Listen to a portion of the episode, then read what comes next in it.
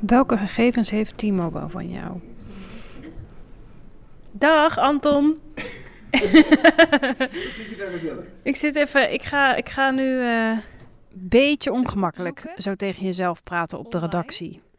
Ik leg collega Anton de Goede uit dat ik probeer te achterhalen welke gegevens mijn provider over me opslaat. Die ze dus schijnbaar doorverkopen aan Living Lab zoals die in Eindhoven, waar ik mijn reportage over heb gemaakt. Heel goed. Weet jij het? Geen idee. Geen idee? Nee. Maar je had vroeger een telefoonboek en dat was voor iedereen vrij toegankelijk. Werd gratis verspreid. Ja. En uh, daar mag je dus ook in handelen. Dus ik vind dat eigenlijk helemaal niet verkeerd. Maar stel je telefoon ook, uh, ik weet het niet, hè, ik ga het zo uitzoeken, maar misschien verko verkopen zij ook wel alle plekken waar je de afgelopen maand bent geweest. Dat is wat anders. Het telefoonboek is inderdaad wat anders. Ik zoek verder. Laat ik eens kijken naar dat privacy statement. Hierin vind ik dat T-Mobile mijn locatiegegevens opslaat. Dat doen alle providers, ben ik achtergekomen, en dat mag ook om je factuur te kunnen verantwoorden. Maar hoe dat precies gebeurt en wat er verzameld wordt, dat begrijp ik niet helemaal. Ik ga naar een expert. Even voor het geluid. Bij welk provider zit jij? Ik zit bij T-Mobile. Of uh, sorry, T-Mobile. Nee, uh, Vodafone. Vodafone. Een van de providers waarvan het Living Lab in Eindhoven zijn gegevens koopt. Kan jij heel kort vertellen waar we zijn en wie je bent en wat je hier doet? Ja, we zitten hier nu bij uh, Bits of Freedom, een digitale burgerrechtenorganisatie. Ik ben zelf David Korteweg, privacy-expert en onderzoeker bij Bits of Freedom. Ik vraag hem hoe dat nou precies werkt, het vaststellen van die locatiegegevens. David legt uit dat dit gebeurt zodra je telefoon aanstaat, via zendmasten. Om de zoveel tijd wordt er eigenlijk een signaaltje uitgezonden, een soort ping. En dan op dat moment, hè, als er zo'n zendmast in de buurt is, dan wordt er eigenlijk wat basisinformatie uitgewisseld. Een ping, die ken ik nog wel. Ik moest gelijk hieraan denken. Serial, die podcast waarbij journalist Sarah Koenig een moord probeert op te lossen. Ik weet niet, heb je die podcast geluisterd? Ja, ja. ja. Nou ja, daar speelde die locatiedata. Het feit dat jouw telefoon op bepaalde momenten zeg maar, zo'n verbinding probeert te maken met zo'n uh, mast of daarmee probeert te communiceren. Ja, die informatie die was wel cruciaal om te bepalen of de telefoon van een verdachte zich op een bepaald moment ergens uh, bevond of niet. Locatiedata kan dus super belangrijk zijn. En daarom heb ik gevraagd wat er nou allemaal van mij opgeslagen wordt bij mijn provider. Ik krijg 10 dagen ter indicatie opgestuurd, want anders is het pakket te groot. Zelf houden ze het zes maanden bij. Ik laat het David zien. Dit is best wel heftig, want dit zijn 17 pagina's van 10 dagen. Met alleen maar momenten waarvan ik dacht, heus, nachts inderdaad, was ik toen ook online. Als je het zo hebt ingesteld dat hij gewoon synchroniseert, dan zal hij gewoon om de zoveel tijd zeg maar, weer even verbinding maken om, uh, om jouw e-mail zeg maar, te checken. Je ziet daar de tijdstippen erbij staan. Ik denk, nou, dat is midden in de nacht. De kans is waarschijnlijk vrij groot dat je dan thuis bent. Je ziet hier ook de locatie waarvan uh, Daan de verbinding is opgezet. Um, als dat heel vaak voorkomt, zeg maar puur een beetje, hè, als je logisch redeneert, zou je op basis hiervan kunnen zien, nou, waarschijnlijk woon jij in dat postcodegebied. Dat klopt. Binnen een minuut heeft hij al achterhaald waar ik ongeveer woon. Daarom zijn deze gegevens heel privacygevoelig, legt David uit. Wij noemen ze ook eigenlijk meer gewoon gedragsgegevens, want dat zegt heel veel over jouw gedrag. Kijk, stel voor dat je hier nu zou zien dat er heel veel data gegenereerd zou worden, zeg maar altijd s'nachts. Dan zou je denken, oh, goh, blijkbaar ben je misschien veel actiever s'nachts en uh, eh, wordt er nauwelijks gebeld overdag. Dan zegt dat bijvoorbeeld weer echt iets over jouw, jouw, leefritme. Dus het kan eigenlijk al, het lijkt heel erg technische data, maar het kan heel veel over jouw leefpatroon zeggen. Vodafone is de enige provider die er open over is in een privacy statement. Het staat er gewoon. Ze verkopen de bewegingen van je telefoon, maar probeer je ook gelijk gerust te stellen. Het is anoniem en ze verkopen alleen informatie over groepen van minimaal 15 telefoons bij elkaar. Maar David zet er nog wel zijn vraagtekens bij. Ja, zolang het echt volledig anoniem is en het echt niet tot jou te herleiden is, uh, dat is gewoon oké.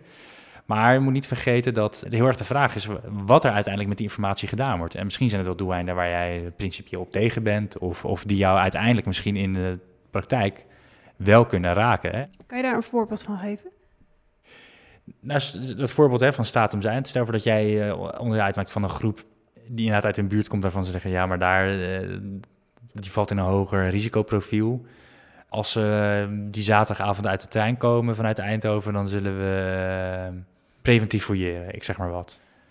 In zekere zin word jij dan zeg maar, geprofileerd en raakt dat jou wel, dan, wel degelijk als individu. Dus het is zeg maar, super makkelijk om te zeggen van oké, dit ziet er op een groep van minimaal, ik zeg maar wat, 15 personen. En dus kunnen we er alles mee doen en uh, heeft dat verder mogelijk helemaal geen maatschappelijke impact. Uh, dat is denk ik te naïef. Te naïef. Want ook al is deze data losgekoppeld van jou en mij als individu en mag Vodafone daarom volgens de wet gewoon doorverkopen, dat betekent niet dat het geen maatschappelijke impact kan hebben. Ik heb er eens over na zitten denken. Een groep is ook heel kwetsbaar. Je wordt gewoon geprofileerd. Bij Stratums Eind heb ik nog wel het gevoel dat ze er goed mee omgaan, maar heeft Vodafone er wel echt over nagedacht aan wie ze doorverkopen en welke negatieve gevolgen dit kan hebben? Ik bel met Vodafone en leg ze deze twijfels en gevoeligheden voor. Nou, ik ben uh, Alexis van Liebergen en ik ben woordvoerder bij Vodafone. Alexis legt uit dat Vodafone locatiedata verkoopt.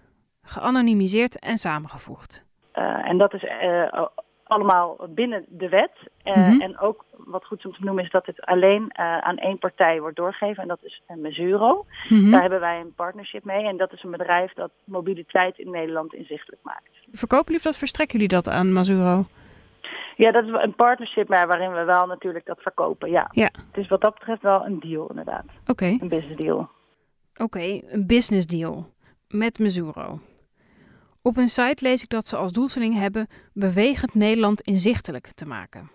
Hoeveel Vodafone krijgt in ruil voor de data en wat Mesuro eraan verdient, wil Alexis niet zeggen. Dat is bedrijfsgevoelige informatie.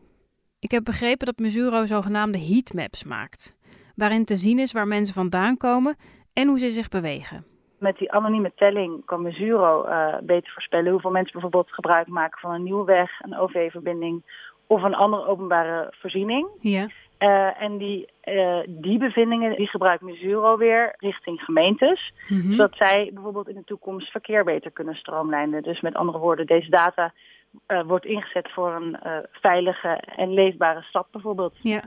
Mesuro verkoopt deze informatie aan meer organisaties dan de gemeente Eindhoven en dus Stratums Eind. Ik ben benieuwd of Vodafone hier zicht op heeft en weet wat er met die data gebeurt. Volgens Alexis is Vodafone hiervan op de hoogte. En zijn er, zijn er dan partijen aan wie uh, de Mazuro de, van jullie de data niet mag verkopen, bijvoorbeeld? Weet ik niet. Nee, dat zou ik inderdaad nog na moeten vragen.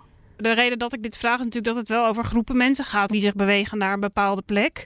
Ja. En vandaar dat ik ook benieuwd ben van zit daar dan een soort grens aan waarbij jullie zeggen als Vodafone dat doen we niet. Of een, uh, de, weet ik veel, de Kamasutra beurs misschien als die inzicht willen Ja. krijgen in uh, wie komen er nou eigenlijk vanuit, weet je, vanuit welke stad komen er nou mensen naar deze beurs toe? Ja. ja, nee, dat is een goede vraag. Dat zou ik moeten nagaan. Of een terreurorganisatie die aanklopt en zegt uh, ik ben benieuwd. Ja, nee, uh, ik weet dat er wel echt uh, op een menselijke manier uh, gedacht wordt over de data van onze klanten. Dus dat is wel echt goed om te benoemen. Maar ik weet het niet in detail, dus dat zou ik moeten navragen. Ik mail haar nog een keer, maar krijg hetzelfde antwoord. Vodafone verkoopt de data aan meer partijen, maar aan wie precies vertelt ze niet. Vodafone is er best open over. Dat vind ik goed, want strikt volgens de wet hoeven ze het niet te vermelden in een privacy statement. Ik heb het ook nog even bij de andere providers nagevraagd. Van KPN heb ik nog steeds geen antwoord. En T-Mobile heeft mij schriftelijk laten weten dat ze dit soort data niet doorverkopen aan derden. Terug naar de Living Labs. Want dat is de perfecte plek om eens dieper te duiken in wat het effect van het verzamelen van anonieme data op groepen mensen is. Daarover meer de volgende keer. Nog een laatste tip. Zit je bij Vodafone en wil je niet dat jouw gegevens worden gebruikt voor mobiliteitsanalyses, zoals het Living Lab in Eindhoven? Dan zijn ze zo vriendelijk om je een opt-out aan te bieden. Je kan er zelf uitstappen. In het i'tje rechtsboven in de app heb ik de directe link hier naartoe gezet. Hier staat ook wat meer leesvoor over wat de telecommunicatiewet allemaal inhoudt. En vind je het een probleem dat doorverkopen van data? Laat het me weten.